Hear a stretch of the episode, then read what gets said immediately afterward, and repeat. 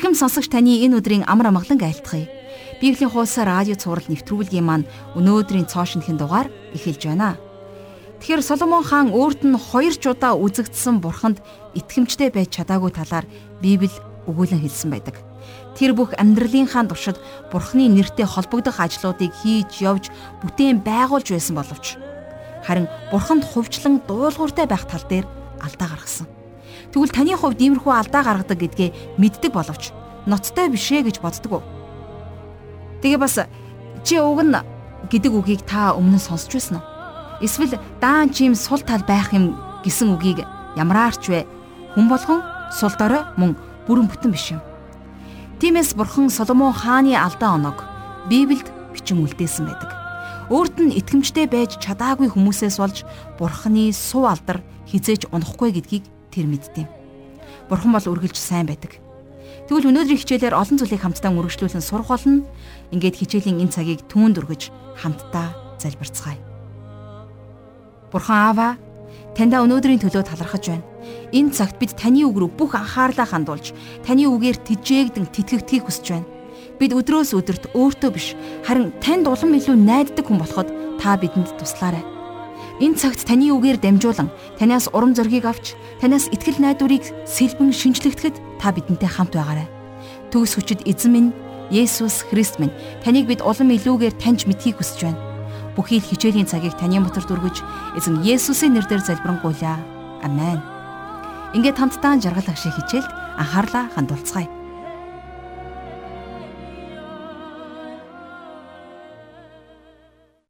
Өнөөдрийнхөө хичээлээр бид хамтдаа Соломоны дуу номынхоо 5 дугаар бүлгийн 6-аас 16 дугаар ишлэлийг дуустал нь үзэх болно.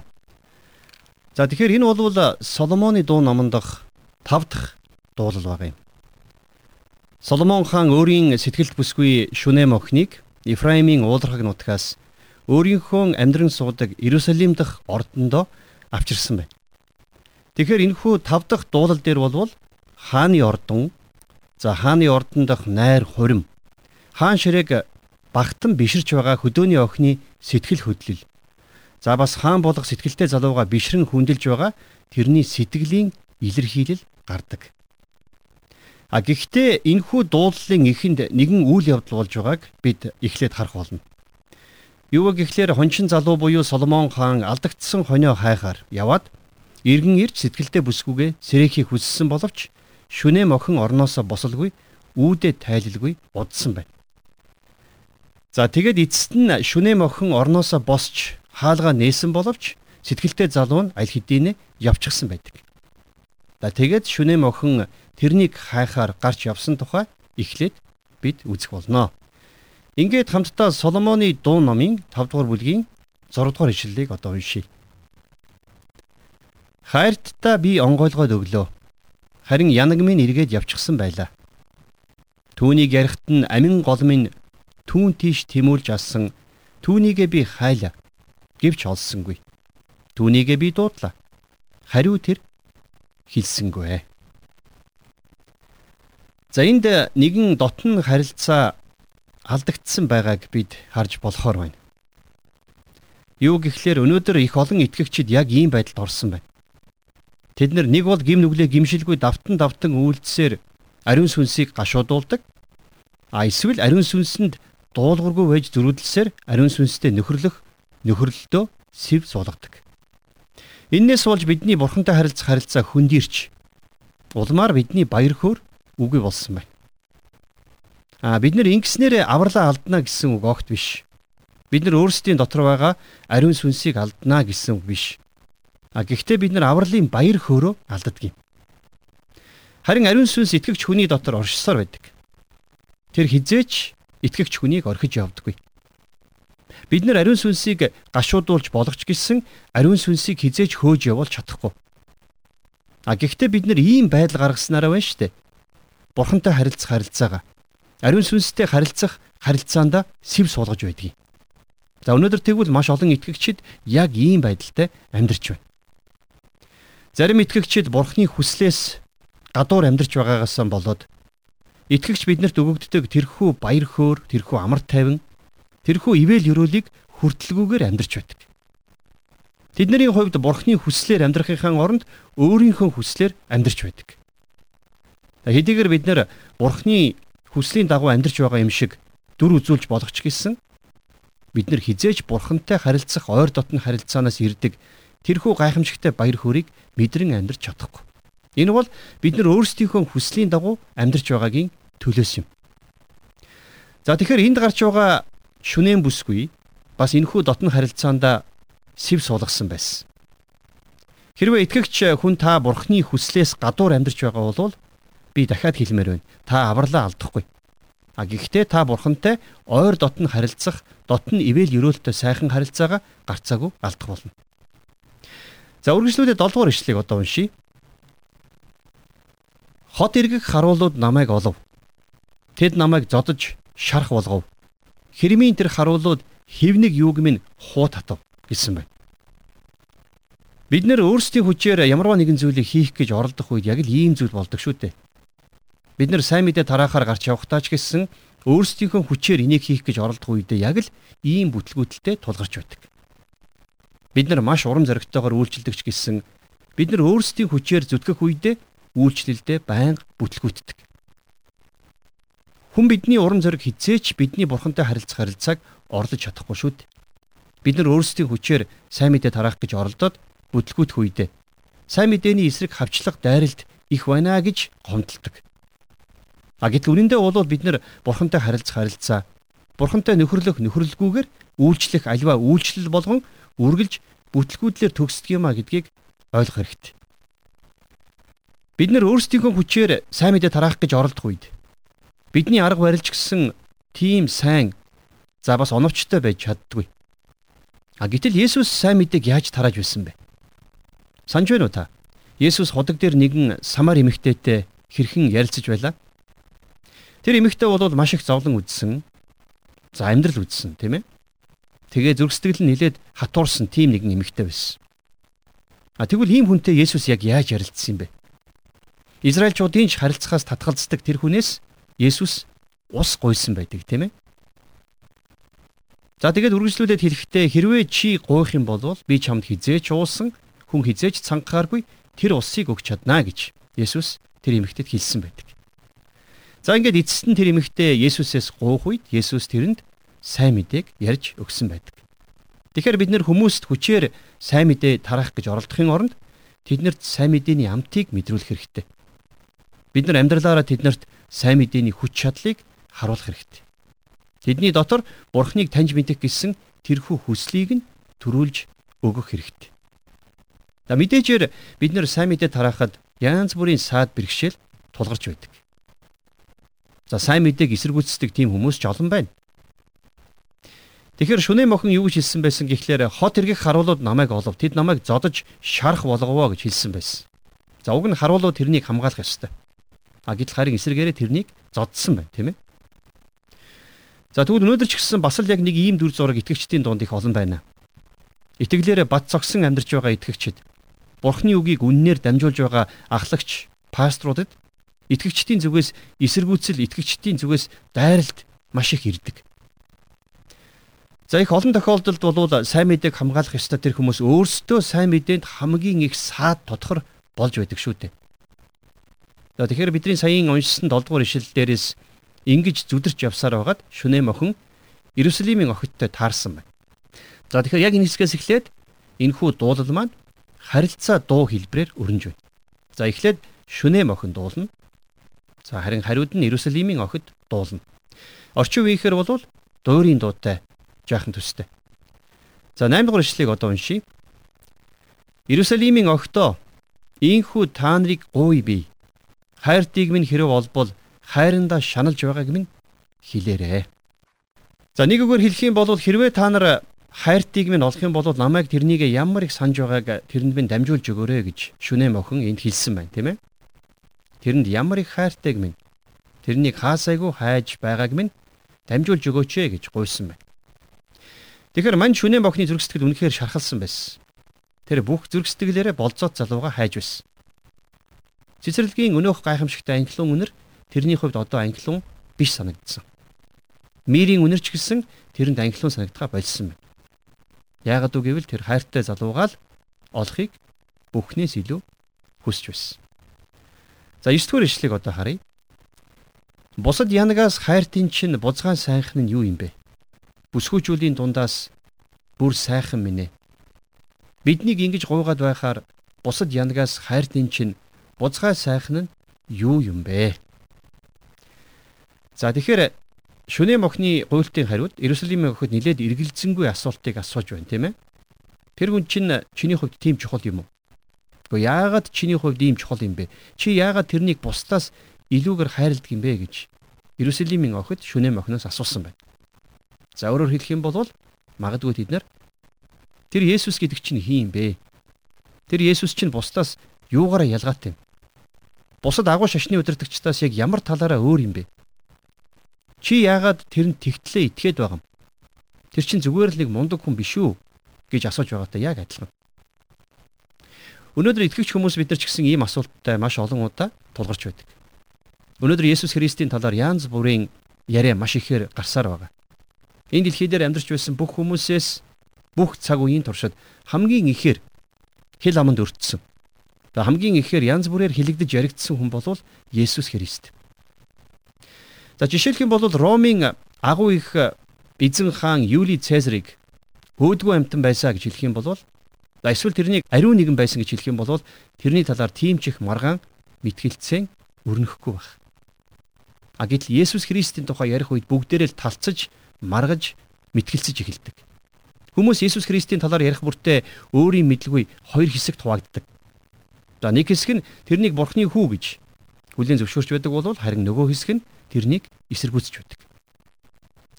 Сонирхолтой нь Бурхан биднийг Есүс Христийн талаар өөрсдийн шийдвэрийг гаргах гарцаагүй байдалд үргэлж оруулж байдаг. За Понти Пилат хүртэл энэ шийдвэрээс бултаж чадаагүй тийм ээ. Тэр энэ шийдвэрээс зайлсхийх гэж оролдсон. Тэр гараа угааж би энэ зөвхт хүний цуснд буруугүй. Та нар өөрсдөө мэддүгэ гэж хэлсэн ч гэсэн а тэр үгээрээ энийг өөрийнхөө шийдвэрийг үгүйсгэж чадаагүй. Хамгийн эртний итгэлийн тунхаг бичиг дээр Понти Пилатын дор цовдлогдсон гэж гардахыг та санаж байна уу? Хэдийгээр Понти Пилат гараа угаасан ч гэсэн энэ нь тэрнийг шийдвэрээс зайлсхийхт нь тус болоогүй. Яг үг гэвэл тэр өөрөө шийдвэрээ гаргасан. Пилат өөрийгөө шүүгч Есүсийг хоригдол гэж бодож байсан.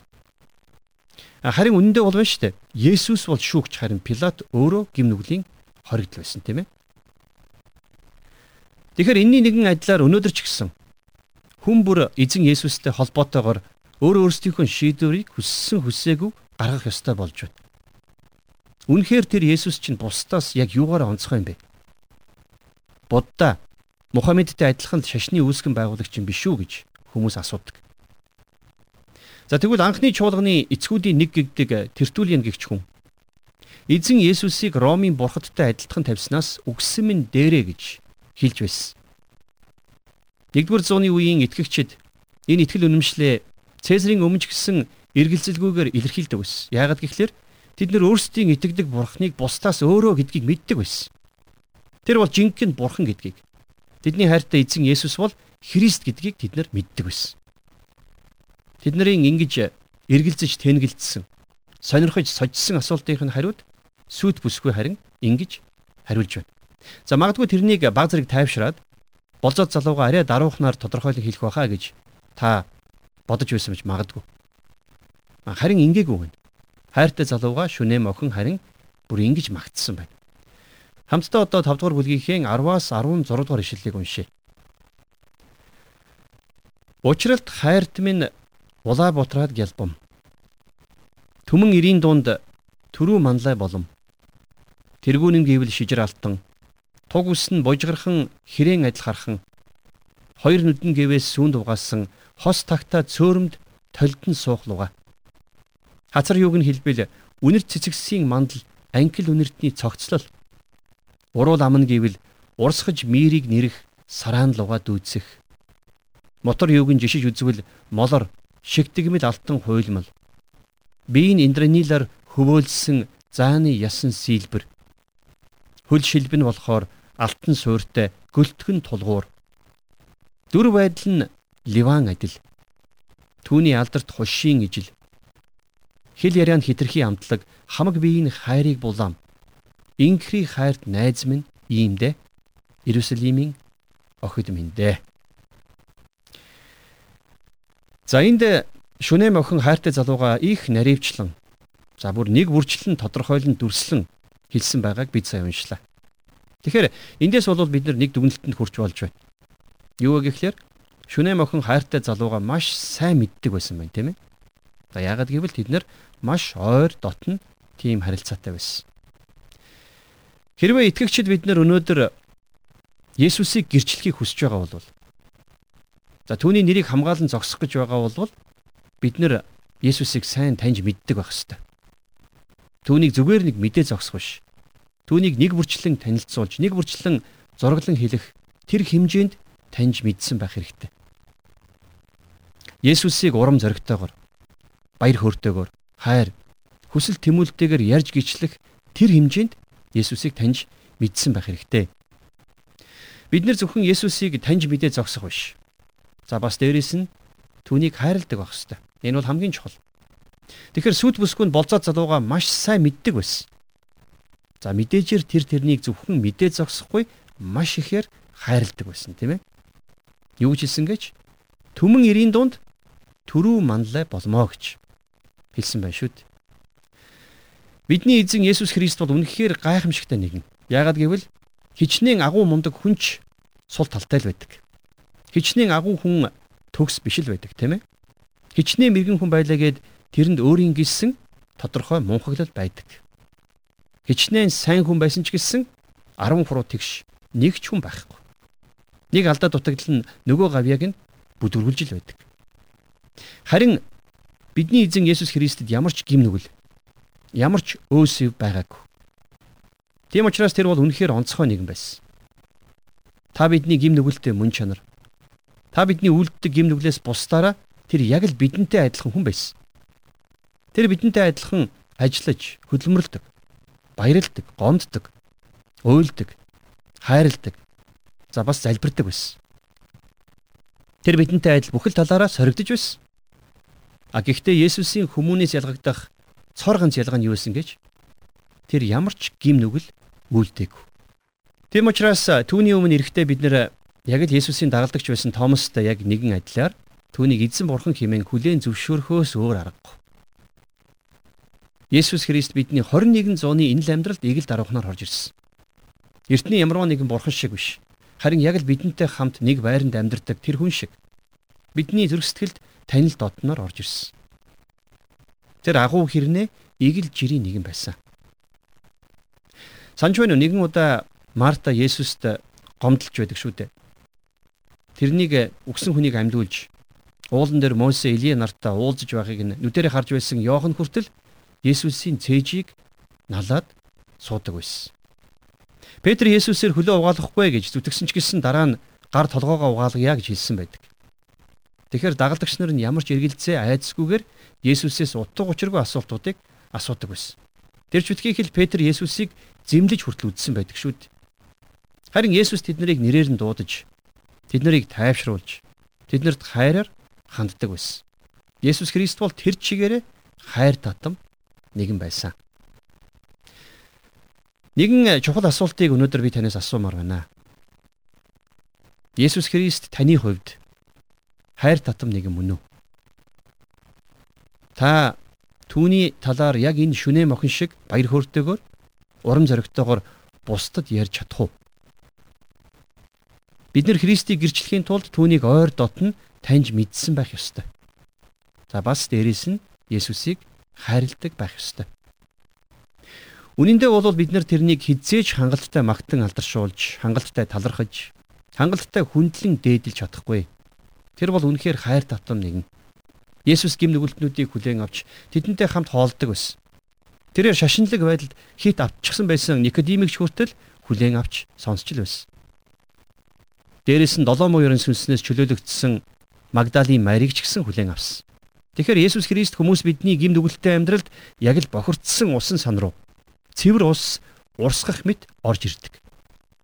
Тэр бусдын амьдралд үргэлж хайр инэрлэр хүрч байдаг. Есүс бэлэвсэн эмэгтэйтэй уулзахтаач захирагчийн нас барсан бяцхан хүүхдийг амьдуулахдаач Гадарагийн чөтгөрт эзэмдүүлсэн хүнтэй уулзахдаач өлсөд сангасан 5000 хүнийг хооллохдооч үргэлж хайр инэрлэр тэдэнд хүрч байсан.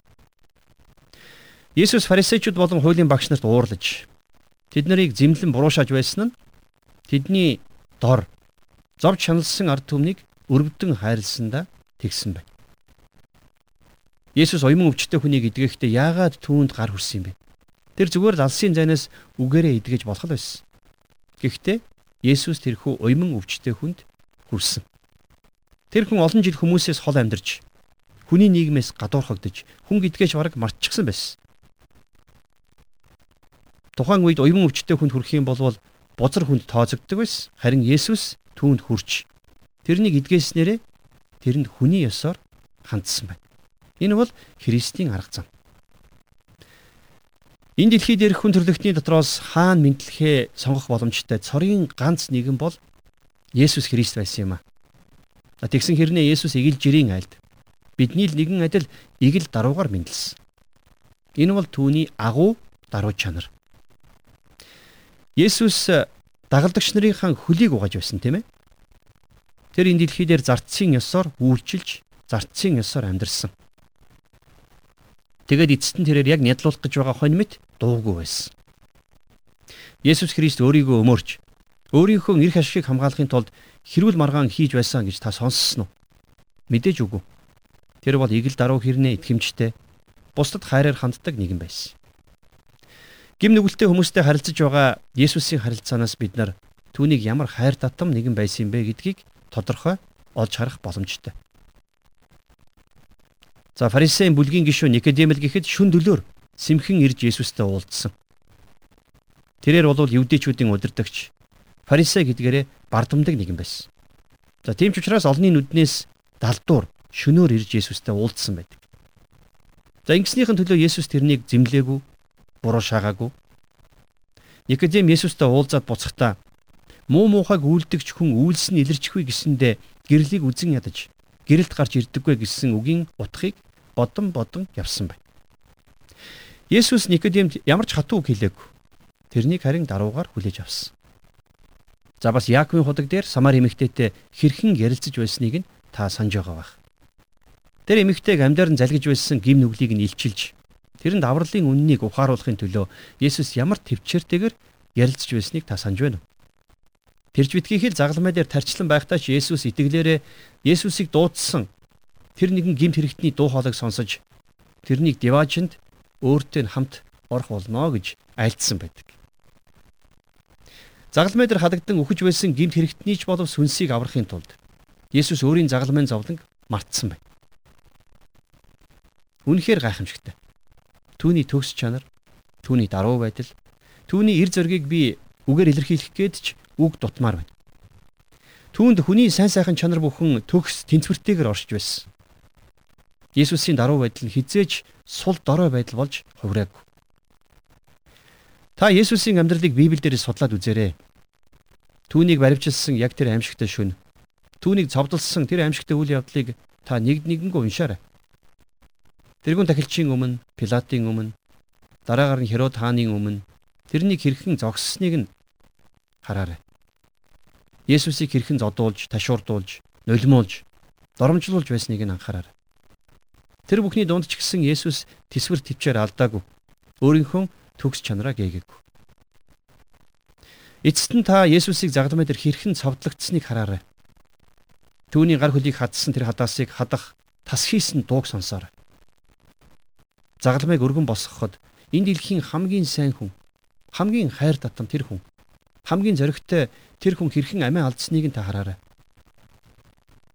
Тэнд хорон зовлорсон үе олон хүмүүс Есүсийг харж байсан шиг та ч гэсэн бас хараарай. Өөрийн хөнөөж байгаа хүмүүсийн төлөө Есүсийн ааваасаа уучлал гуйж байсан тэрний хашгирах дууг та сонсоор. Энэ бүхэн таны хайрыг татахгүй байна гэж юу? Есүс бидний гим нүглийг өөртөө тээж бидний төлөө модон төлгөгдсөн. Түүнд итгэсэн хүн болгон үүр зөвтгөгдөж мөнхийн амтай болно. Энэ бол миний эзэн. Энэ бол миний дотны найз. Тэгвэл та энэ хайр татам хүнийг өөрийнхөө аврагч За бас өөрийнхөө эзнээ болгохыг хүсэхгүй байна гэж юу? Үнэхээр бидний эзэн Есүс бол түмэн эрийн дунд төрүү манлай болом нэгэн. 16 дугаар ишлэл дээрс харах юм бол шүнэм охин ингэж хэлсэн байна тийм ээ. Инхрий хайрт найз минь иймдээ Иерусалимийн охид минь дээ гэж. За тэгвэл таа ч гэсэн өнөөдөр энэ эзнийг өөрийнхөө эзэн өөрийнхөө найз болгож хүлээж аваарэ гэж би ятгамаар байна. Ингээд дараачийн хичээлээр эргээд уулзцгаая.